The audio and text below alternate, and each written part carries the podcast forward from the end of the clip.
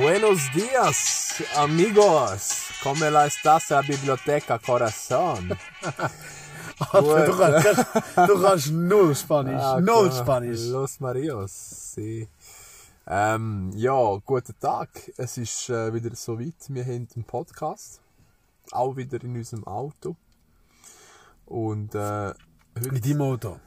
In meinem Auto. In deinem Auto irgendwo wieder auf einem futzbehinderten Du bist viel in meinem Auto. Ich bin viel in deinem Auto. Ja, sorry Kollege, Mann. Du hast einfach ein besseres Auto. Shit. Nein, auf jeden Fall, ähm, wir haben uns viel überlegt.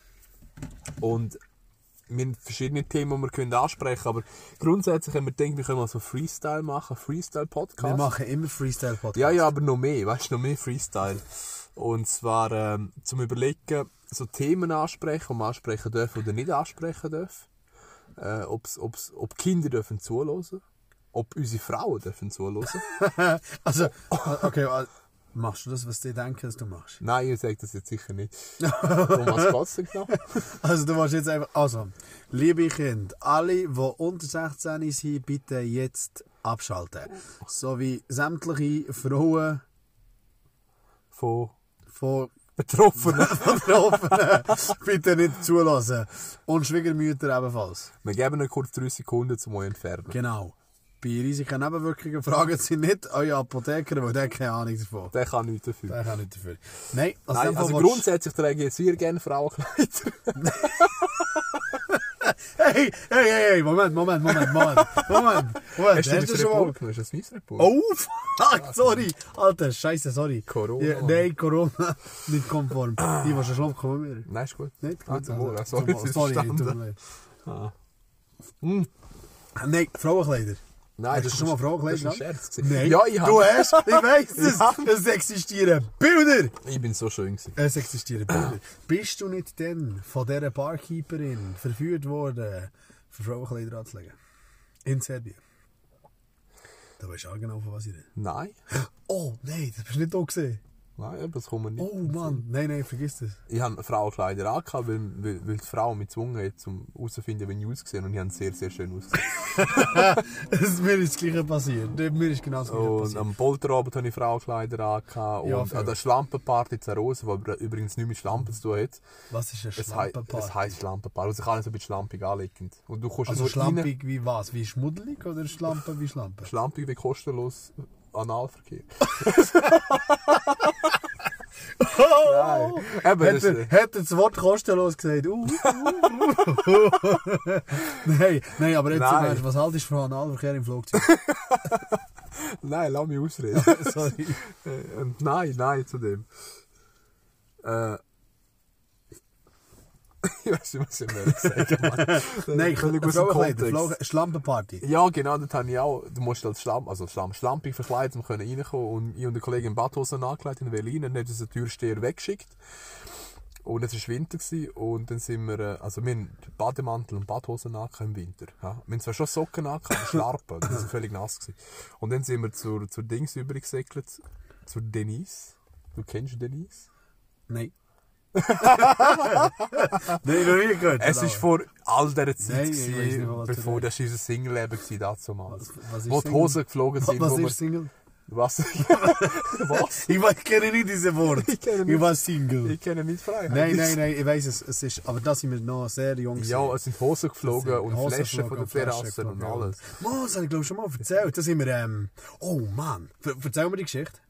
Erzähl sie. Oh nein, erzähl du sie. Du erzählst es schöner. Ich tu nur ergänzen. Also ich möchte aber gerne eine Geschichte von wenn's so Entschuldigung. Entschuldigung, Schlampenparty. Wir sind zu dieser Denise an und sie hat das Kleider gegeben, dass wir das können anlegen können und dass wir können auf die, auf die Party gehen Und das ist sehr schön. Gewesen. das ist Ja, jetzt darf ich erzählen. Nein, du. Nein, das, also schau, grundsätzlich ist es so gewesen. Ähm, du bist bei uns gewesen, oben. Genau, wie alt sind wir denn gesehen? Jung. Da hatte ich noch Haar. Gehabt. Dort hast du noch Haare. Haar. Gehabt. Voll, voll. Das ist immer, ich meinte, ich bin 17 gewesen und du 18 oder so. Ah, oder ja, so ja. Ungefähr man so, ungefähr ja. so. Nein, ich, ich habe noch kein Auto. Knapp, knapp legal. Genau. Und äh, wir sind dort eingeladen zu einer Homeparty. Es sind wir zwei gewesen. Es sind nur wir zwei gewesen. Nein, das ist noch, irgendjemand ist in den Boxershorts aus, aus der Hütte rausgekumpelt. In Schnee. Ja, Mann. Es sind, genau, es war eine Homeparty von, von einer und die Eltern sind weg gewesen. Und dann hat es eine riesige Homeparty gegeben dort und äh, plötzlich aber irgendwie am 2 Uhr morgen, also ich muss mir vorstellen, wir sind alle jung und ein bisschen Alkohol und so, ein bisschen Zigaretten rauchen und alles so mega cool und, und, und voll easy und so. Nein, ich weiß nicht, was du redest. Und auf jeden Fall ähm, sind dann die Eltern plötzlich, dann, also plötzlich hat, ist, ist die Denise gekommen und gesagt, Scheiße, die Eltern sind da an der Tür geklopft oder sind ja abgeschlossen. gehabt. Oh ja, Mann. Fuck, sie sind früher zurück, Genau. verschwindend, hauend ab. Genau, genau, genau, genau. Und dann und ich und du, ich und du sind auf die glorreiche Idee, es war mitten im Winter, gewesen, hat riesen viel Schnee, Schnee gehabt, ja. richtig viel Schnee. Und ich und er schauen uns an, machen die Balkontüre auf und kumpen aus dem Fenster. Ja. Wir sind einfach über das Gelände rausgekommen, in den Schnee. Und dann, in dem Moment haben wir nur mal gesehen, wie irgendjemand in den Boxershorts, ich glaube irgendein Kollege von dir, Ja, ja, ja. Der Messe. ist. Der Messe. oh, kann ich nehmen, Mann. Ah, sorry, er heisst nicht. Messe. Er heisst Mustafa. Aber er, er ist irgendwie international korrekt. Ja, er ist irgendwie nachgekumpelt. In Schnee, in. Voll, voll. Und dann sind nur, ich weiss nur, dass Hosen sind nachher Ich geschmissen schwöre, es sind worden. irgendwie 7 Meter. Und, ja, und dann, und dann äh, haben sie Flaschen nachher geschmissen und, und, und. Also, es war ein richtig geiler Tag. Also, liebe Eltern, stellen euch vor, ihr kommt heim zu eurer 17-jährigen Tochter, die sehr, sehr, äh, sie ist eine Latina. und sehr sage. leicht bekleidet, mit Sehr irgendwie sieben anderen. Typen. Das ist die erste also, Frau, ist, die das ist nicht die einzige Frau getragen hat. Also, Nein, es hat mehrere. Frauen gehabt. Also darum, hey, das macht mir gerade Angst. Ich habe zwei Töchter. Ich muss eine Knarre haben. ich brauche eine Knarre. Oder einen scharfen Hund. Ja, ja. Und mit scharf meine ich nicht schlampig, sondern richtig so. Wird ein schlampiger Hund holen? nein, nein. Aber dann sind wir dort rausgekommen. Wir sind rausgekommen. Und Stell dir vor, liebe Eltern, kommt heim, eure Tochter ist dort, jenste Leute dort. Und überall Zigaretten, Alkoholflaschen. Und äh, für uns war alles cool. Gewesen, Die hat lange Hausarrest Hey, bekommen. die Flaschen sind Die geflogen. Flaschen, von der. Vater ist auf der Terrasse rausgekommen, hat Flaschen hängen nachher geschmissen. Ja, voll. Oh mein Gott. Voll. Ah, äh, mi- ich und du, ich hatte das Vergnügen gehabt, in Serbien auch ebenfalls eine Homeparty zu sein. Der ist Ja. ein bisschen anders abgegangen. Der hast du Angst haben, dass du erschossen wirst. Nicht Witz. Und zwar nicht vom Vater, sondern von irgendeiner Großmutter, die am Fenster steht, Ja. mit der Schrotflinte. Ja. Also, also dort hast du auch so Zeug erlebt. Das Recht auf Selbstverteidigung. Ja, genau. Nein, also, ah, sind wir schon beim Thema Serbien versus, also Balkan versus Schweiz. Als Jugendliche. Wir reden nicht als Erwachsene, wir reden als Teenager. Das Ja. ist eine ganz andere Welt. Ich meine, da geht es noch um Sweet 16 und, und äh, Händchen halten und äh, Wo geht es nicht wie... ja, ja, Teenager, ich meine. Serbien oder Schweiz? Das ist die Frage. Ich glaube, bei mir Serbien. Das ist die Frage. Hier ist mehr Handarbeit, glaube ich. Ich weiß nicht. Äh, als ich 18 geworden bin, habe ich meine engsten Kollegen, die gerade in der Nähe sind, das sind dann zu dieser Zeit drei gewesen. Also hier in der Schweiz? Ja, ja, und niemand anderes hat Zeit gehabt. Wir sind Kebab vom Kebab gegessen, alle eingeladen und das war mein 18. Geburtstag. Gewesen. Oh, und dann sind wir uns abschießen. und das machst du halt so in einem Dorf. Ja, aber was hat jetzt das mit... Ähm, wir sind ja heute bei einem delikaten Thema, wie schon Ja. gesagt. Wenn irgendwelche Kinder zulassen... Es schneiden gerade hure viele Themen rein, die wir Ja, du, verknüpfen wir müssen, wir müssen gerade, wir müssen gerade ein bisschen beruhigen. Wir Nein, also bitte, seid ihr unter 18, schaltet jetzt ab. Das ist eine Special Edition. Heute geht es um Cevapi und Brötchen dazu und ähm, sonstige Schweineschmalzereien. Ähm, wie schon gesagt, schaltet lieber ab oder lasst zu und lernt etwas. Ja, es geht darum, dass wenn das Brötchen befüllst, das Nein, erste Mal, Nein, nein. irgendwann, am Anfang kommt der Eimer raus Nein, beim nein. ersten. Nein, heute geht es um Liebe machen. So Ja. wie die Hamster von, so wie die Hamster von meinem Kollegen letztes Mal Liebe gemacht machen wir, erzählen wir über unsere Liebemachereien. äh, warte, es sind so viele Sachen. Fang einfach an. Also grundsätzlich ist es so, zum Thema wegen Geburtstag.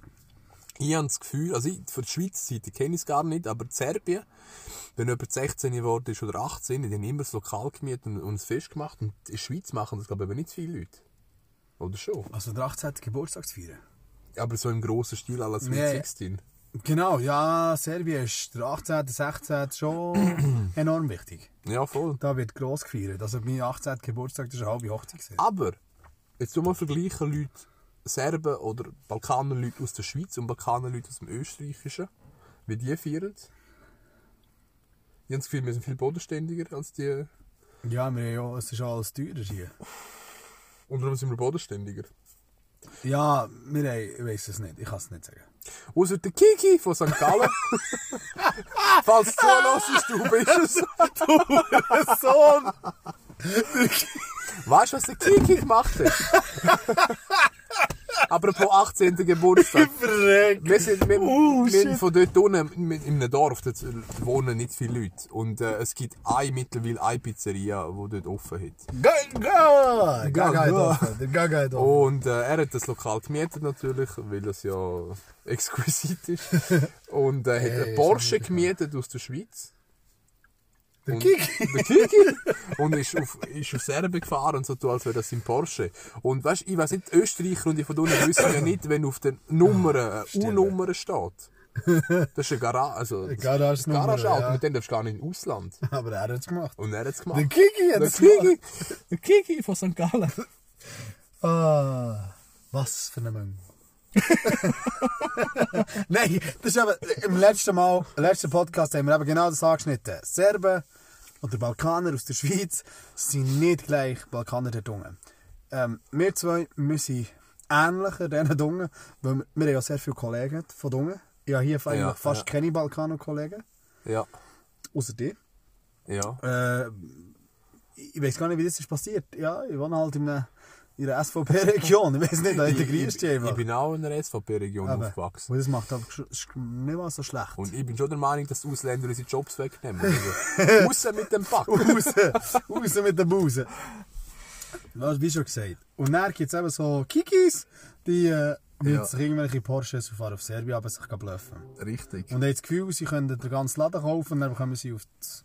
dann gehst du in die Garage zurück und musst erklären, wieso du irgendwie fünf, fünf Tage irgendwie 3000 Kilometer gemacht hast. genau. Nein, aber das ist halt so das Leben. Aber ich hatte das Gefühl, gehabt, ähm, als Teenager ist, ist das Liebesleben von mir anders gewesen in, in ähm, Serbien als hier. Ja. Es ist, es ist für mich relativ einfacher gewesen, dort unten Ja. ähm, Mädchen lernen kennen als hier in der Schweiz. Und ja. wieso? Wieso ist Wieso? das so? Also ich glaube einerseits, als hetero. Äh, Homo. Wieso? Nein, nein, nein, nein, was ich wollte sagen, nein, als Homosexuell ist auch in der Schweiz einfacher. Viel einfacher. Und dort ist es unmöglich. Ich kann nicht aus Erfahrungen sprechen. Nein, aber du weißt hast du Homophobie. Nein, nein, nein. Ah, oh, guck mal. nein, nein, nein, nein. Ah, merkst du den Seitenstich? Ja, solange kein Popo-Stich ist, alles gut. Nein, aber ja, ja, ja. was ich wollte sagen ist, es ist sehr viel schwieriger für jemanden, der homosexuell ist, in Serbien als in der Schweiz etwas zu finden. Also nur so. ja.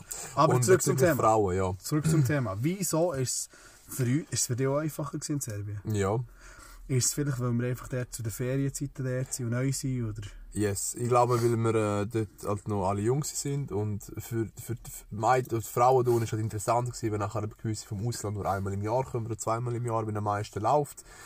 Meinst du Und, nicht, es hat äh, mit dem Schweizer Pass Es hat auch mit dem Schweizer Pass wahrscheinlich zu tun. Und auf der anderen Seite, allem, weil wir Schweizer sind eben nicht Österreicher und Deutsche, sagen, ihr sind immer so angenehmer in der Schweiz oder die, die aus der Schweiz kommen, als die Das von stimmt. Österreich. Hey, ich weiß nicht, wie es euch geht, aber mir hören das noch viel.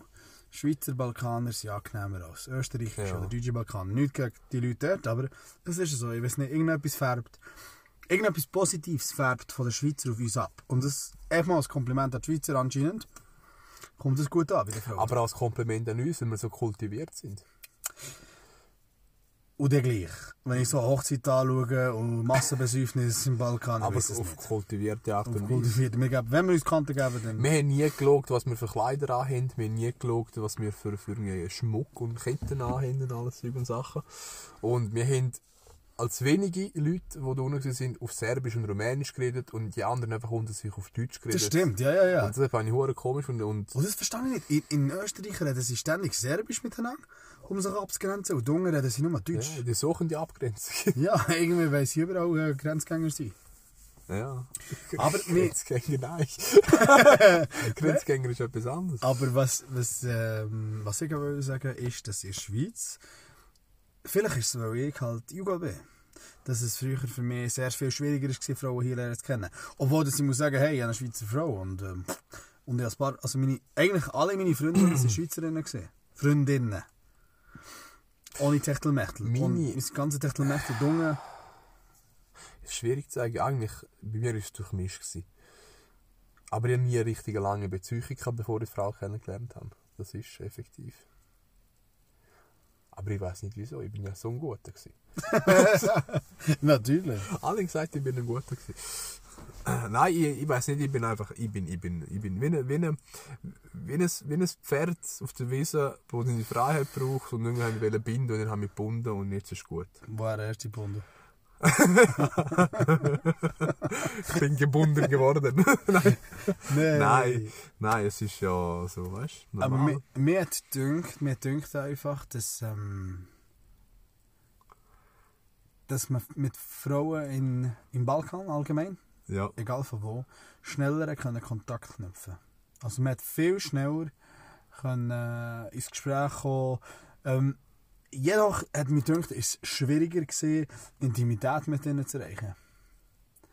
Also wir, nein, nein, du verstehst was ich meine. ja, es ja ist, aber es tönt so intimit. ja, sorry, es ist echt schwieriger gewesen, mit ihnen ins Bett zu gehen. Ja, Es ist viel, vor allem als Junge, ich rede nicht so als Erwachsene, ich rede wirklich so als 16, 17, 18-Jährige, ist es viel schwieriger gewesen zu landen bei den, bei den Mädchen Ja. als, als hier. Aber und so- hier hat jeder das Gefühl gehabt, sie sei die hübscheste und alles. Also hier ist es extrem, das ist so, ähm, also die Selbsteinschätzung in der Schweiz, fantastisch, muss ich wirklich sagen. Ja. Wenn von einer Skala von 1 bis äh, 10 hat jeder 7 das Gefühl, sie ein 15. Aber ähm, Darum, äh, wenn du hier jemanden ansprichst und nur um die Uhrzeit willst fragen kommen sie gegen mit «Hm, «Sorry, sorry, ich habe einen Freund». Ich habe nicht nach dem Freund gefragt, ich habe nach der Uhrzeit gefragt. Also, Ja. Es nein. ist, es ist eben noch witzig. Äh, Es, es, es hat klar gewisse Unterschiede, aber ähm, wenn du jetzt vergleichen würdest, serbische Frauen und Schweizer Frauen. Meine, das ist perspektivisch. Du hast eine serbische ja, eine Frau, serbische eine Schweizer Schweizer Frau. Genau. Und meine serbischen Frauen in Serbien haben ja immer Stöckli Schuhe angelegt und, und Kleider, oder? Das ist das, was die Frauen da in der Schweiz am Maturabend anlegen. Das haben sie dann eigentlich jedes Wochenende an. Genau. Gehört völlig normal dazu. Sonst laufen sie aber gegen die Trainerhose rum. ja, jeden ja, Tag. Adidas. Adidas oder Nike. Das Adi. Das Adi das. Nein, aber auf jeden Fall ist es so, dass eigentlich da unten, ja, halt relativ knapp bekleidet und alles. Und schön, wie im Sommer, wenn es wie sollte sein. Sommerkleiderzeit. Frauen sind schön. Ja. Und, und ich bin ja ich bin in einem Dorf aufgewachsen, wo Skiort, äh, Touristenort ist. Und dort leitet man halt mit Pullover an, Sneakers und so Sachen. Und als die Frau zuerst mal raufgekommen ist, äh, hat sie nicht verstanden, quasi, wieso. Weißt wir sind auch schon ausgegangen am Wochenende, quasi, wieso leitet niemand Stöckeli Schuhe an und so. Und was ist los mit dieser Frau, dass sie irgendwie zuerst ein äh, Top anlegt, über Top noch das T-Shirt, dann einen, einen äh, dünnen Pulli, einen dickeren Pulli und dann die Jacke. Was läuft mit denen falsch? Oder? Und wieso legt niemand Stöckeli Schuhe an? Und ich gesagt, Schatz, das machen wir da nicht. Ja, also bei mir ist glaube genau umgekehrt gesehen. Bei mir, äh, obwohl das meine Frau sich sehr gerne so extrem schick anlegt, ist es wie, sie hat das Gefühl gehabt, sie sei overdressed.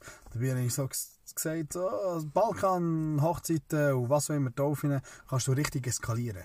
Da kannst du fast nicht overdressed sein. Ich meine, da könntest Ja, außer die, die so pinke Hemden anlegen. ich habe pinke Hemden Ja, du bist genau so einer. Was, Mann? Hey, hey, hey, Moment. Also, nein, sorry. Nicht pink, sondern Flieder. Sorry, man sagt dem metrosexuell. Nein, man sagt dem kultiviert. Nein, nein, Flieder. Warte doch kurz, bis Monokel ablegen. Nein, Flieder. ja, du bist auch Flieder. Verstehst du, das ist nicht das Gleiche. Ich verstehe dich nicht. Nein, nein. Weißt du, was ich. Das ganze Farbenzeug hat angefangen, wo ich mal an einer Hochzeit bist du dann dabei gewesen? Nicht. Flieder, Boah, genau- du bist dabei gewesen. Alter. Korall. Du weißt, was ich rede. Oral? Wir Nein, nicht. Korall ist eine Farbe, nicht oral. Er denkt wieder, nochmal, denkt. Ich war an Hochzeit. Gewesen. Ich Ja. war an Hochzeit gewesen, er denkt, wow, bin da, überall hübsche Mädchen, Mhm. alles gut. Ist eine der mit einem pinken Kleid. Bin ich hergegangen und gesagt, hey, wunderschönes pinkes Kleid. Sie schaut mich an und sagt, es ist Korall. Voll. das ist- oh mein Du Gott, weißt, was ich rede? du bist so koral. Nein, du weißt, was ich rede. Du Ich bist, weiss, dann, ja. du dann dabei gewesen, nicht der Mal, es kommt mir bekannt Das vor. ist mal, mal, mal, keine die Namen, Geschichte. keine Namen, aber Ja, ja. Ah, und dann, dann habe ich gedacht, gut, Fall muss ich mich mit Farbe befassen, weil das anscheinend wichtig ist. Ah, das ist ein Zeichen, dass man, wenn es viel mit Frauen zu tun hast, dass plötzlich anfängt zu sagen, anstatt rot, das ist Bordeaux. Bo- Also Bordeaux ist, äh, das Bordeaux kennst das ist seine eigene Farbe. Das ist, Ja, ja, aber weißt Ich du, liebe Bordeaux Hemd. Grundsätzlich gibt es Grundfarben, rot, blau, gelb, es gibt. Flieder, es gibt Bordeaux.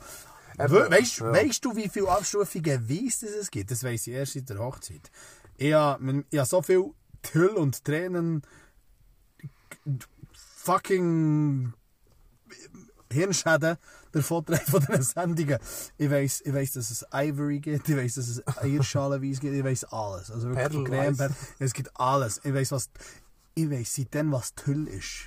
Tüll, das habe ich auch schon gehört. Tüll. Tüll ist das, was jeder Server wird irgendwo aus Sabes, aus ähm, Äh, Vorhang. Vorhang, Ja. wird aufhängen, aber sieht uns als Kleid. Tüll. Tüll. Tüll, das ist das komische Zeug, wo einfach so... Ich weiß, es ist verdammt komisch zu beschreiben. Aber ich weiß es, ich habe es schon mal gehört. Aber jetzt... Ja. Oder, und die Farben sind dort wichtig. Das ist genau wie das Horoskop. Jede Frau fragt, was bist du für ein Horoskop? Extremer im Balkan als in der Schweiz. Ja, weil sie glauben wirklich. Sie glauben wirklich an den Scheiß. Und dann so, Ja. oh, du bist Leu oder du bist das, wir passen zusammen. Oder, uh, oh. Oh mein Gott, wir werden Konflikte Ja. haben, aber trotzdem probieren wir Ja, es. und Ich denke, ja, nein. Mein So Gott. Und dann, ich weiss noch, hat jeder, jeder von uns, ähm, jeder von uns hat ein Horoskop gelesen, damit er genau gewusst so, welche passt heute wie. Ja. Ja. Was man nicht alles gemacht hat für uns.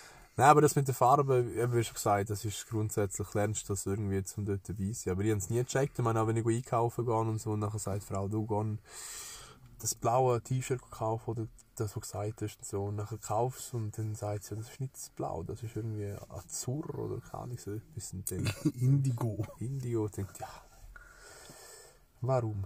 Auch das Gleiche, jetzt, jetzt regen wir vielleicht ein bisschen auf, aber ich darf das jetzt. Wenn ich einkaufen gehe und sie machen mir die Liste, was ich alles einkaufen muss. Und ich habe ihr gesagt, schau Schatz, ich bin sehr ein einfach gestrickter Mensch. Schreib genau auf, was du willst und ich mache genau das, was drauf steht. Also, du bist doch Und- algorithmisch logisch. Wenn sie schreibt, Joghurt kaufen, Dann kaufst du Joghurt, natürlich. dann weiss sie nicht, was für Joghurt. und ich- vor allem weiss Error. sie, weiss nicht, wie viel Joghurt das ich kaufen muss. Und dann rege ich mich auf. Gell, Frauen erwarten ab und zu sehr viel. Und sie setzen voraus. Ja, Das ist der Grundannahme. Sie haben irgendein organisiertes Chaos in ihrem Kopf. ja. wo du musst fähig sein, abzulesen und umzusetzen. Ja. Aber ich muss sagen, mit meiner Frau klappt das sehr gut, weil wir das immer wieder sagen. Hör auf, Zeug vorauszusetzen. Hör auf, Zeug vorauszusetzen. Du musst mir ganz genau sagen. Wenn du mir es nicht sagst, mach ich es nicht. Ja, ich sage dir auch, Schatz, geh nicht aus, ich bin dumm. Erklär Ja, es bitte ja. so, dass ich es verstehe. Keep it simple and stupid. Und darum, ab jetzt schreibt sie immer auf, Pfirsichjoghurt zwei Stück, Himbeerjoghurt zwei Stück und dann kaufe ich genau das ein und dann ist die Ah. Das Einzige, wo ich weiss, wenn sie Salami und so aufschnitt, dann weiss ich Aufschnitt, dann bin ich eh der Chef, dann ich bin der Aufschnittchef, der Chef vom Aufschnitt und dann organisiere ich das Zeug und dann sind wir happy. Gell, ist läuft aber schon. Also ich bin, ich muss sagen, ich habe ja wirklich, ich habe ja wirklich nicht ähm, eine serbische Frau wollen. Und ich habe eigentlich nie ein, ja, ich habe keine serbische Frau. Also grundsätzlich, immer alle gesagt, du Ja. musst und ich so, nein, genau den mache ich es nicht. Genau, jetzt, Genau jetzt nicht. oh, jetzt hast du eine. Und jetzt habe ich eine. Aber sie ist ja nicht richtige Serbin. Das stimmt. Und, das ist, und sie benimmt sich auch nicht so. Ich meine, meine, meine Frau ist nicht die typische Schweizer Frau, kann ich wirklich sagen, mit Stolz. Und deine Frau ist nicht die richtige serbische Frau. Sie sind sehr ähnlich. Mhm. Und das ist extrem cool. Unsere Frauen sind der Hammer, muss ich wirklich sagen. Und das nicht einfach nur, weil sie zulassen jetzt gerade, aber... Nein, sie hören eben nicht so, wie man am Anfang sagt, sie dürfen nicht hören. Ah, da haben sie abgestellt. Ja. Meinen sie halten sich dran? Sicher. Ich glaube es nicht. Hey, meine lieben Frauen, falls ihr zulässt, hinterlasst einen Kommentar, wir lieben euch ganz fest. Wir haben gesagt, sie dürfen nicht. Genau. Aber ich, ich finde, da ist eine gewisse Ähnlichkeit. Und ich habe das dann gemerkt, ich meine, mit meinen Beziehungen, ich in Serbien hatte, auch wenn es nur kurzfristig war, habe ich gemerkt, so, irgendwie passt das nicht. Weil es eine gewisse Erwartung gewesen von diesen Frauen, die ich nicht erfüllen konnte. Weil ich nicht so auf materialistisches um bin. Ja. Und dort ist es halt schon so, nicht so schlimm wie bei den Russen zum Beispiel, aber es ist ähm, auch so, dass du als Mann etwas musst können bieten und einen gewissen Lifestyle. Und wenn du halt runtergehst und eine von Dungen importierst, wenn du so willst, dann hat sie Erwartungen. Und die Erwartungen werden meistens hier nicht erfüllt, weil sie das Gefühl hat, wow, der wohnt ja hier wie ein King. Und dann merkt sie, hey, der hat ja gar nicht so viel. Es ist eben schon, dass gewisse Frauen von da unten haben schon ein bisschen anderes Bild. Oder? Man sagt quasi, oh mein Gott, auf, auf Deutschland, Österreich, Schweiz, da ist eine gute Zukunft, hure viel Geld, wir pflücken das Geld von den Bäumen Weißt und keine Ahnung was. Und ähm, ich, wir haben beide recht bodenständige Frauen und einfach das Materialistische bin ich hure weißt froh. Frauen in Serbien, die, die achten weniger auf das Äußere vom Mann Er muss schon gepflegt sein. Sie achtet aber weniger auf das Äußere, dafür mehr auf was er kann bieten kann. Ja, ja, ja. Hier ist, was er kann bieten weniger wichtig, aber er muss genau so aussehen, wie er muss aussehen Ja, und genau voll, so. voll, voll. Und er muss das haben und hier haben und das haben. Aber dann fragst du, ja gute Frau, was bietest du? Und er sagt sie, ja, mir selber. Und Mhm. dann denkst du, ja, aber lenkt das? Weil meine guten Frauen, die meisten von euch sind gar nicht so toll, wie ihr denkt. Mhm. Sorry, vor allem heute nicht. Außer unsere Frau, das sind top. Unsere Frauen sind top, aber hey, die haben wir jetzt schon. Und alle Frauen von den Leuten, die wir kennen, sind top. Genau, natürlich. Aber alle anderen sind schlecht. Aber alle, das ist noch, alle anderen sind vom Teufel, sorry. Weißt du, was ich jetzt mache? Nein. Etwas, was ich noch nie gemacht habe. Ich probiere das einmal. Was Äh, liebe Zuschauer, bitte habt ein bisschen Geduld. Wir, ich tue es probieren durch. Äh, Alter, was machst du? Wir sind wieder im Auto, das haben wir ja gesagt. ja, ja. Was machst du jetzt? Zigaretten auch. Im Auto? Ja, so ein bisschen easy. Nein, Nein, nicht aus dem? Fenster raus. Was bezieht Oh, oh. Alter, ich friere mir einen ab Ja, das das ist gut. Beruhig Ja, zumachen das Zeug. Ja. Rauchen ist eh ungesund. Nein, erzähl mir lieber noch ein bisschen mehr Sachen. Ich weiss viele Sachen nicht. Wir, haben meistens, wir sind zusammen in den Ausgang gegangen auf Serbien und dann haben wir uns meistens getrennt. Ja, Und dann sind wir irgendwo verschwunden. ja. Was hast du denn erlebt? Das weiss ich aber teilweise selber nicht. Also ich weiss nur, dass meistens mit irgendetwas zu essen bist auftaucht. Und der coolste Move, den ich je von dir gesehen habe, es ist darum gegangen, nimmt er die Frau oder nimmt er das Essen? Er hat sich für das Essen entschieden, er ist immer noch meine Legende. Stimmt, für das Essen von Serbien hast du in der Regel nur einmal im Jahr gehabt und Frauen halt immer. Was für eine Pause! Nein, aber wirklich, das Essen war wirklich top. Gewesen. Ja, ich liebe es. Ah, ich träume von Cara Giorgio. Ja, oder, Cara Giorgio. oder eben da die, die Würste von Batamile. Ich würde hören, Patamile, wie kannst du das beschreiben? Patamile ist ein Typ. Eine kleine, ist eine kleine Burgerbude. Es ist eine kleine Burgerbude, aber wo scharfe Würste in Fladenbrot hat gemacht. Ja, könnt- es klingt so komisch für euch, aber glaubt mir, es hat Es noch nie etwas so Besseres gegeben. ja. Er hat so etwas Spezielles gemacht. Es ist so der Ausgangsfood schlechthin gewesen. Und es ist so unsere Stärkung vor dem Besäufnis gewesen.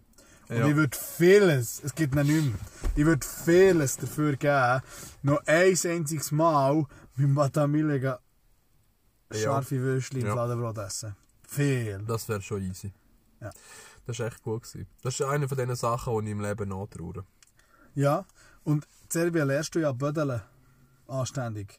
Du Mhm. isst, du trinkst, du isst, du trinkst, im Gegensatz zu Stimmt. hier, Seit es Batamile nicht geht, haben wir viel unkontrollierter. Ja, ja, gemacht. vorher haben wir uns, vorher haben wir uns gegen schon gebödelt. Er, hat, er, ist, er ist so die Säule gewesen, die uns, Die Säule für uns, für unser die Leben. uns stabil gehalten hat. Seine Würste haben uns vor vielen Besäufnissen gerettet. Ich muss wirklich sagen, merci. Batamile, ich weiss, du kannst kein Deutsch, aber falls du jemals zuhörst, ist Falapuno. Ja, ja. Ja. Was für ein abgefuckter Podcast heute. Wir, wir reden über alles und über nichts. Ähm, Es ist irgendwie schon fast 30 Minuten um und ich habe keinen Plan, was wir geschnarrt haben. Ja, 30 aber- Minuten. Nein, wir sind immer noch nicht Shit, zum wir Punkt viel besser. Ihr merkt, es ist uns eigentlich sehr äh, unangenehm, über unsere Intimitäten zu reden. Ähm, und wir wollen auch gewisse Leute nicht bloßstellen. Ich kann nur sagen, ähm, genau, das, habe ich, das, habe ich, das ist mir jetzt gerade in den Sinn gekommen.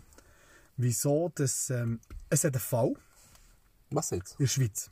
Es hat einen Fall, ich weiss von diesem Fall, V?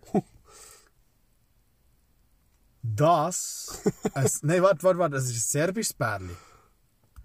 Und sie klagt ihn an, dass er sie beim Sex hat aufgenommen und das öffentlich gemacht hat über eine Drittperson, auch serbisch. Nochmal, ich, ich komme nicht raus. Okay, irgendeiner hat äh, einen Pornofilm gedreht von sich und seiner, wie er es macht, und dann hat er das weitergeschickt. Er mit seiner Frau. Nicht seine Frau, seine, seine Spusi, was auch immer. Und sie Okay, hat ihn dann okay. angezeigt. Okay? Okay, Kommst du raus? okay, ja, ja. ja. Dabei habe ich gesagt, es ist irgendwie noch ganz normal. Ich meine, wie viel pornografische Exemplare von Leuten, die du kennst, hast du schon gesehen dort unten. Das ist eine Zeit lang ist Ja. das extrem gewesen. Ich weiß nicht, ob das die Frauen unabsichtlich absichtlich, aber das habe ich echt krass gefunden. Als Jugendlicher Voll. plötzlich so, wow, die kenne ich. Wieso Ja. sehe ich das jetzt? Denkt, ha. Nein, aber mein- ich weiß nicht. oh mein Gott. Pornografie hat mich gedacht, ist in Serbien viel verbreiteter gesehen ab einem gewissen Alter als in der Schweiz. Oder mir denkt es noch mal. Aber es ist halt also noch die Zeit noch vor dem Ja. ganzen, wie heisst das Zeug? Und äh, viel Netlog, äh, MSN. Ja, genau, es hat Ja. noch Bilder rumgeschickt. Äh, auch Da viel, noch- viel verpixelter, die Bilder. Genau, vor, vor allem ist da das Internet heute, heute hast du ja äh, fast äh, YouPorn HD und Ja. früher hast bis mal ein Püppi-Bild hast geladen hast eine halbe Stunde gehabt und mit jedem Nippel, was mehr hat gegeben, hast du gedacht, wow! Apropos, da Das- fällt mir gerade eine Geschichte. Äh, ich habe einen Kollegen. Ein. Kollege, ja, ja, Ein klar. Kollege, dir die Geschichte? Ja. Er war ein guter Kollege und äh, er hat ähm, Internet daheim gehabt. Das ist ganz am Anfang, wo eigentlich der PC rausgekommen ist. Und er ist einer von den ersten, der Internet hatte, wirklich funktioniert hat. Und mit dem Internet verbunden, dass du quasi nicht kannst telefonieren, also mit diesen Pieptonen, so piep, piep, piep, piep, oder wie das geht. Du weißt, was ich meine? Ja, genau. Und äh, was machst du natürlich dort? Komm, wir gehen mal auf Dings und dann haben wir so ein bisschen Pornoseite. Also er hat gemacht, ich habe noch so. ich bin so quasi. Ja, er, ist, genau. er hat gesagt so, ja, geh dort und dort. Und ich habe nichts gemacht, weißt du? Nein, Aber er hat nur zugeschaut. Natürlich, mit dem. Und ich weiß nicht wieso, aber früher ist das wie abgerechnet worden pro Minute, wie beim Telefonat. hey, Moment mal. Ich weiss, dass du mal irgendetwas mit einer Telefonhotline hast gehabt. Ja, aber Das weiss ich, weil deine Mutter, das meine Mutter hat erzählt hat, ich, zumal. ich hab, nein, nein, nein, ich habe nichts. Ah, das ist etwas anderes.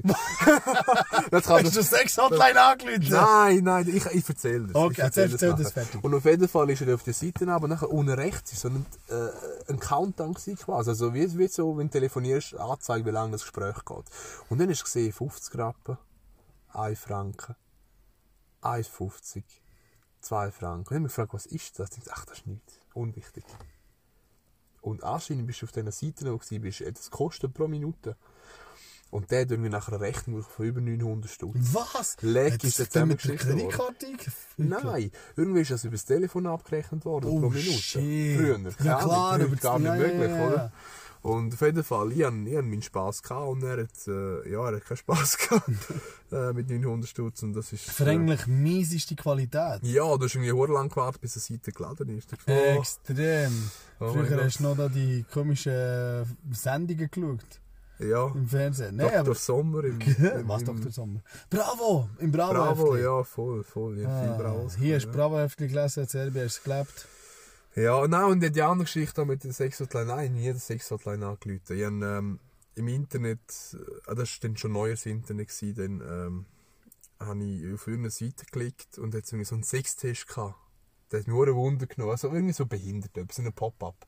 Und dann bin ich halt drauf dort und habe meine Angaben gemacht und Oh, irgendwie etwas shit. bestätigt, aber ich habe nie gecheckt, dann habe ich abgebrochen, weil irgendwie, ich bin jetzt in einer Umfrage gekommen. Also du kannst eingeben und dann zeigt es auch, was für ein Typ das du bist. Das, was heute auf Facebook überall ist. Klar, und ich bin auch jünger dort. Und dann habe ich das gemacht und irgendwie nicht funktioniert, bin ich raus und dann irgendwann ist eine Rechnung gekommen für irgendwie 150 Euro oder so, das war von Deutschland. Gewesen. Und dann bin ich mit meiner Mutter auf die Post das einzahlen. Und sie hat voll laut vorgelesen, was das ist und was Oh das ist. Das Gott. war recht peinlich. Aber ja.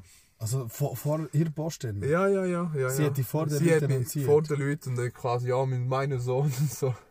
Mein Sohn schaut Porno, Irgendwie Seiten. so etwas. Das ist einer von diesen Traumas, die ich habe. Sie hat sogar meiner Mutter erzählt. Wo jetzt wieder aufkommt. Ohne Scheiß. Ja, natürlich, von wo weiss sie das Ja, ist? Scheiße. Und meine Mutter hat gesagt, schau mal und so, bla bla bla, er ist da gesehen und so, machst du so Zeug auch. Und ich gesagt, ganz ruhig. Einfach so, ganz ruhig. Gestern hat, hat mein Vater mich gefragt, ob ich schwul bin und heute kommst du bei Pornoseite. Entscheidet noch mal, was ihr wollt. Also wirklich. Ja, du, komisch. Nein, aber das ist, das ist echt... Äh, Se sexuelle Aufklärung im Balkan oder Balkanfamilien im Gegensatz zur Schweizer Familie läuft etwas anders. In der Schweiz heisst es, Fabian, habe dir ein Buch gekauft über das Thema und äh, Ja, gut, grundsätzlich läuft das schon nicht so ab. Also jetzt in jüngeren Generationen, glaube ich, sowieso nicht, aber für das ja, bin ich jetzt sind auch sie, verstanden. nein, heute sind sie aufgeklärt, heute haben sie YouPorn gratis. Ja, ja, ja. Heute wissen sie mehr. Ich meine, die wissen alles, die, die reden von Zeugen, die ich noch nie gehört habe. Von, von irgendwelchen Rimjobs und Teebeuteln Ja, und Bukake. Ich glaube, die jungen Leute sind viel aufgeklärt als das mal. Sie sind auch viel versauter, Mann. Weil sobald man, hast du Sexualkunde in der Schule? Ja, mit Bananen. Hast du gehabt? Ja, mit Bananen und Kondom. Und Ohne Scheiß? Ja, nein, Ich mag mich gar nicht erinnern. Ich glaube, ich schon etwas so gehabt Ich bin ein alles. Künstler gewesen. Aber meine, ich glaube einfach, dass wir sind, wir sind ein bisschen unbehindert gewesen, weißt du? Irgendwie dort jetzt, äh, sobald das Wort Penis, alle, oh, oh, oh Penis, hat Penis gesagt. Vagina, Vagina! so, so Sachen, oder? Kiki! ja. Und dann ist das irgendwie, ja, Ist echt. Kiki mal in Stimmbruch gekommen? ich glaube nicht. Nein, aber ich sehe das. Nein, aber, aber heute, heute können sie sich als Pfeifli längen, gratis. Und wir haben früher noch müssen zahlen für eine scheiß Aufladung. Das ist eigentlich schon nicht fair. ja. ja, ja, ja, ja, so bist du. Haben, also ich habe nie gezahlt früher. Ich wusste 150 Euro Nein, für du das habe ich gar nicht. da hat man noch die Penthouse-Bücher gehabt, die, die alten. Oder der Real Molly-Katalog. Ah ja, es fällt mir nochmal eine peinliche Geschichte. Oh mein Gott, heute ist... Äh, heute gebe ich alles zu. Ja, wir wissen auch, wann wir das aufladen, aber wenn es noch interessiert. Da bin ich in der dritten Klasse gewesen, und dort, manchmal sind wir mit, der- mit der Klasse in die Bibliothek. Und dann ist quasi eine Stunde um ein Buch auszusuchen, kannst du ein bisschen lesen, dann hast du das Buch müssen auslehnen, um daheim zu lesen. Die Kinder fordern, lesen Bücher. Und dort so ein Buch gehabt, mit Mädchen und Buben, wo das also ein bisschen so Geschichte, ja, so ein bisschen sexuell, so wie das funktioniert. Und ich wollte das mitnehmen und ich habe es eben so ein bisschen versteckt und bin zu der Lehrerin und es wollte zum Auslehnen. Und sie hat laut rausgelacht, das Buch aufgenommen, alle anderen Kinder es gesehen. Ist Mega gut, bravo. ja, das, Das ist, ist das, das, Lehrplan, äh, super, das, ey. ist, das ist, wie sagt man dem? Das ist pädagogisch äh, Uh, höchstes, Niveau. Die Lehrer es schon im Griff. Man. Nein, heute sind sie viel sensibler. Ja, ja, heute sind sie, gut, Heute- heute musst du sie heute- LGBT und so Black Lives Matter. Ja, und dann fragst du, soll die mit er, du, sie oder es ansprechen. Also von dem her Ja, ja, ja. Transgender, weißt Möchtest du eine sie sein oder sie eine du? sie, sie oder er. oder sie? Ich bin ein Schneck.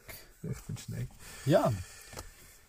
Ja, Also, ihr seht es, äh, das, ich glaube, da gibt es irgendwann mal einen zweiten Teil davon. Wir sind, wir sind noch nicht sehr weit gekommen mit dem ganzen Thema, aber ähm, Wir sollten viel mehr so Freestyle machen. Eigentlich haben wir überlegt, mit dem Auto durch die Stadt fahren. Ja, wir sind Weißt- vorhin noch am, Dann bist du so aktiv. wir sind vorhin noch am Bahnhof gesehen und da ist das Red Bull geholt. Voll, die Polizei hat uns Die Polizei hat uns gefragt, was machen die zwei da? Und dann Genau. haben wir gesagt, select da. Dann haben sie gesagt, okay, ist gut. Ah, das, aha, ihr macht einen Podcast, easy, ja. Sie freuen sich drauf. Dann haben wir gefunden, easy, man, chill. Das ist aber nur Chill. Ich kann nicht immer mit, mit Leuten reden, ich so bekannt bin. Könnt ihr bitte Abstand nehmen? Nein, die gesehen, hey, äh, ich habe echt keine Ahnung, wie es heute ist rausgekommen aber merci, habt ihr heute zugelassen. Ähm, Machst du jetzt zurück, um das zu beenden? Ja, es wird mir langsam peinlich. Willst du noch Magst du weitermachen? Willst du weitermachen? All denen jetzt gerade drei Peine von der peinlichsten Geschichte im Leben erzählt. Ja, genau. Und ich würde sagen, merci vielmals. du, ja, Alter. Jetzt musst du noch eins reintappen. Ah. Eine, eine, eine peinliche Geschichte geht dir noch zum die aufwärmen. Also, ich habe einen anderen Kollegen gehabt. Das ist immer noch ein Kollege. Da wo irgendwann kommt raus. Alle Kollegen, sie ja. Äh, da sind wir auf Luzern in einem Freestyle-Contest. Freestyle Battle. Battle, ja. Und das war noch so, so ein Niveau, gewesen, so Wurzel 5, Breitbild, also die, die Sachen, ein bisschen, äh, Küchenkästchen und so Zeug. Und äh, wir sind dort und es sind echt viele Leute im Untergrund gewesen, halt. Das war cool gewesen. Dann sind verschiedene Rapper eigentlich auf der Bühne gewesen. Und jetzt müssen mit so Buchstaben halt freestylen. Quasi du mit A etwas freestylen, mit B etwas freestylen. Oder du hast quasi wie ein Tabu gespielt. Du hast ein, ein Schlagwort gehabt und sind gewisse Wörter nicht dürfen nennen, aber quasi gerappt. Und dann haben Leute aus dem Publikum genommen, wo du quasi äh, so eine, so eine Brille angelegt hast, dass du nicht siehst, und hast erraten, was sie meinen. Und das war zu der Zeit, wo ich mit der Frau ganz frisch zusammen war. Ich hatte zwei Handys. Gehabt. Ein Schweizer und eins für Serbien, weil es halt günstiger ist. Und der Kollege hat sich hure aufgeregt, dass ich immer zwei Handys, dass ich immer am Handy bin. Und er hat gesagt, komm, tu mal die Hand aufheben. Dann habe ich die Hand aufgehebt, dann haben sie mich auf die Bühne geholt. Ich bin so besoffen gewesen. so besoffen und peinlich ist es gewesen. Und dann bin ich da oben gekommen, mit der Brille gegeben, haben angefangen zu rappen. Und ähm, dann haben sie mit gerappt und so. Dann ich dann gesagt, ist Amerika oder quasi das Schlagwort. Ja, fast, ist gut. Und keine Ahnung, wie ich darauf gekommen bin. Dann haben sie weiter gerappt, gerappt. Und sie haben schon gewisse Sachen gesagt, wo, wo eigentlich einfach sie wären zum Serat. Aber ich habe es so nicht gecheckt. Alle haben es nicht verstanden. Und die richtige Antwort wäre in New York gewesen. Und ich, Idiot, sage McDonalds. Okay, aber das ist aber nicht so peinlich. Das ist so peinlich. Nein. Äh, nicht, wenn du dort bist im Fall. Und dann haben halt alle gelacht. Das Also, alle haben mich ausgelacht, weißt du? Das sind irgendwie 50 Leute drin, alle Ja, ausgelacht. weißt du, und manchmal, dann bin ich, dann bin ich nachher aus WC rauf, so völlig verschupft. Dann ist mir einer entgegengekommen und gesagt, ja, Allgemeinbildung kein Thema. Oh, Es ist schon her, Mann. Es ist schon her. Gewesen. Die Hure. Und das verzeihe ich ihm heute noch nicht. Und ich habe gesagt, irgendwann. Wer ist es? Möse? Er hat, nein, nein, ist der, der Mühe gewesen. Ich soll keinen Namen nennen. Da. Nein, aber äh, heissen die eigentlich alle? Möse und Mumu und Messe, Mü. Messe. Ja, aber das klingt alles nach Möse. Du bist Mu. Und äh, ja, das sind so die Sachen. Jetzt tun die ja mal öffnen. Da. In unserer Selbsthilfegruppe. Nein, bei mir ist eigentlich nie etwas Äh, Nein, also ein, ein traumatisches Erlebnis. Das war wirklich traumatisch für mich. Ähm, ich war 16 gewesen. Es war Sommer. Gewesen. Ich, ähm, ich bin sehr ein scheucher junger Mann. Gewesen.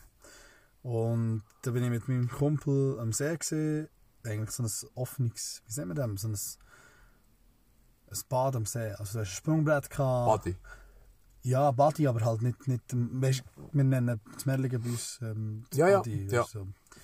Und genau, und meine Hosen, meine sind ein bisschen zu gross gewesen. Ich habe bisschen abgenommen, meine sind ein bisschen zu gross gewesen. Ich bin auf das Sprungbrett gegangen und natürlich war dort ein wunderschönes Mädchen, gewesen, wo ich Hönne drauf gestanden. Äh, ich dachte, hey, heute mache ich mal so richtig majestätisch den Köpfler vom Dreier und äh, ja, tauche durch bis, bis zum Floss führen. Habe ich gemacht, durchgetaucht und als ich da oben war, habe ich gemerkt, dass ich keine Hose mehr habe. Also quasi, es war ein klarer, wunderschöner Tag. Gewesen. Das Wasser, also ich weiß nicht, hast du bis auf den Grund gesehen. Und ja, Hast du Hosen gefunden? ja, die sind noch am Start. Gewesen. Aber du bist zurückgeschaut, du bist schon im Wasser drin. Ja, aber ich habe mich aber gedreht, zum Schauen, wo die Hose sind. Also hat die ganze Body, hat die ganze Body die Stromlinienförmigkeit Ja, von meinem hat- hat- Phallus gesehen. Hat er die Wasseroberfläche durchbrochen? Ja. so zum Justieren. Nein, auf jeden Fall. Stell dir vor, und jetzt musst du dir mal vorstellen, vor versammelter Mannschaft, von allen Leuten dort, ich habe noch nie so lange getaucht. Ja, ja. Ja, ich musste zurückschwimmen, meine Hosen anlegen, im Wasser innen. Ich bin raus. Ich bin raus, ohne ein Wort zu sagen, bin auf zwei gestiegen und bin losgefahren. Das ist der peinlichste Moment. Also kannst du dir sicher sein, dass ich diese Frau nie mehr habe angesprochen Also warte, ich toppe das. Oh Gott. 2006 Gran Canaria. Äh, wir sind alle knapp vor 18. Lebensjahr gewesen. Ich bin halt noch 17, weil ich im Dezember Geburtstag hatte. Sind wir auf Gran Canaria, da kannst du so Party, also Partyferien gewesen. Da kannst du ein Partyboot mieten. Und dann zahlst du einen Betrag, kannst nachher den ganzen Tag gratis essen und trinken auf dem Boot. Aber du bist halt für 4, 5 Stunden weg. Oder? Und habe wie wie jeder andere auch die Schlarpen angehabt, Badhose und Badtuch. Sind wir auf das Boot. Und dann hat mir eine Gruppe gefragt, ob ich äh, ein Fo- Foto machen von ihnen. Das ist eine wahre Geschichte. Dann habe ich gefunden, ja, easy, ich kann ein Foto machen von euch. Und die Badhosen waren ein bisschen eng. ich habe mich, ich habe mich gebückt, also gebückt so gegen runter, so halt wie Schneidersitz quasi. die Hose voll gerissen. Zum Glück noch das Netz gehabt, aber das Netz war auch schon recht durchlöchert. Ja, Das ist das Netz, es hat immer Löcher. Ja, ja, aber weißt du, es ist ein bisschen Schutz, aber das war eben schon vorher ein bisschen kaputt. Gewesen. Okay. Alter, mein ganzer Dödel ist dort rumgelampert von der ganzen Gruppe. Sie haben gelacht, die haben abgedruckt, aufgestanden, in eine Kamera in die Hand gegeben. Ich bin den ganzen Tag nachher mit Badtuch, wenn ein verschupfter Mongo auf der Seite dort stand. Während meine Kollegen am, am Party machen sind und baden und alles. Und alle, weißt stell dir vor, ich bin einfach dort mit Badtuch. Oh Den ganzen Gott. Tag, wie ein Möngel. Hey, okay. Ich weiss nicht, das war die Krönung. gewesen. Ich glaube, wir sollten mit dieser Geschichte aufhören. Äh, es gibt sicher ein Teil 2 als Special. Wenn ihr das wollt, sagt uns Bescheid. Wir werden gerne noch mehr peinliche äh, Begebenheiten von meinem Leben und Ja, gerne. Leben erzählen. Ich werde das auf jeden Fall nachholen. Ich habe noch ganz viele komische Sachen. Das eine hat mit einem Teddybär zu tun. Weiter wollte ich nicht dafür eingehen. Aber äh, merci vielmals. Habt ihr heute wieder eingestellt, zugelassen. Und ähm, schönen Abend. Adieu mit Balkan Connections. Ciao, ciao.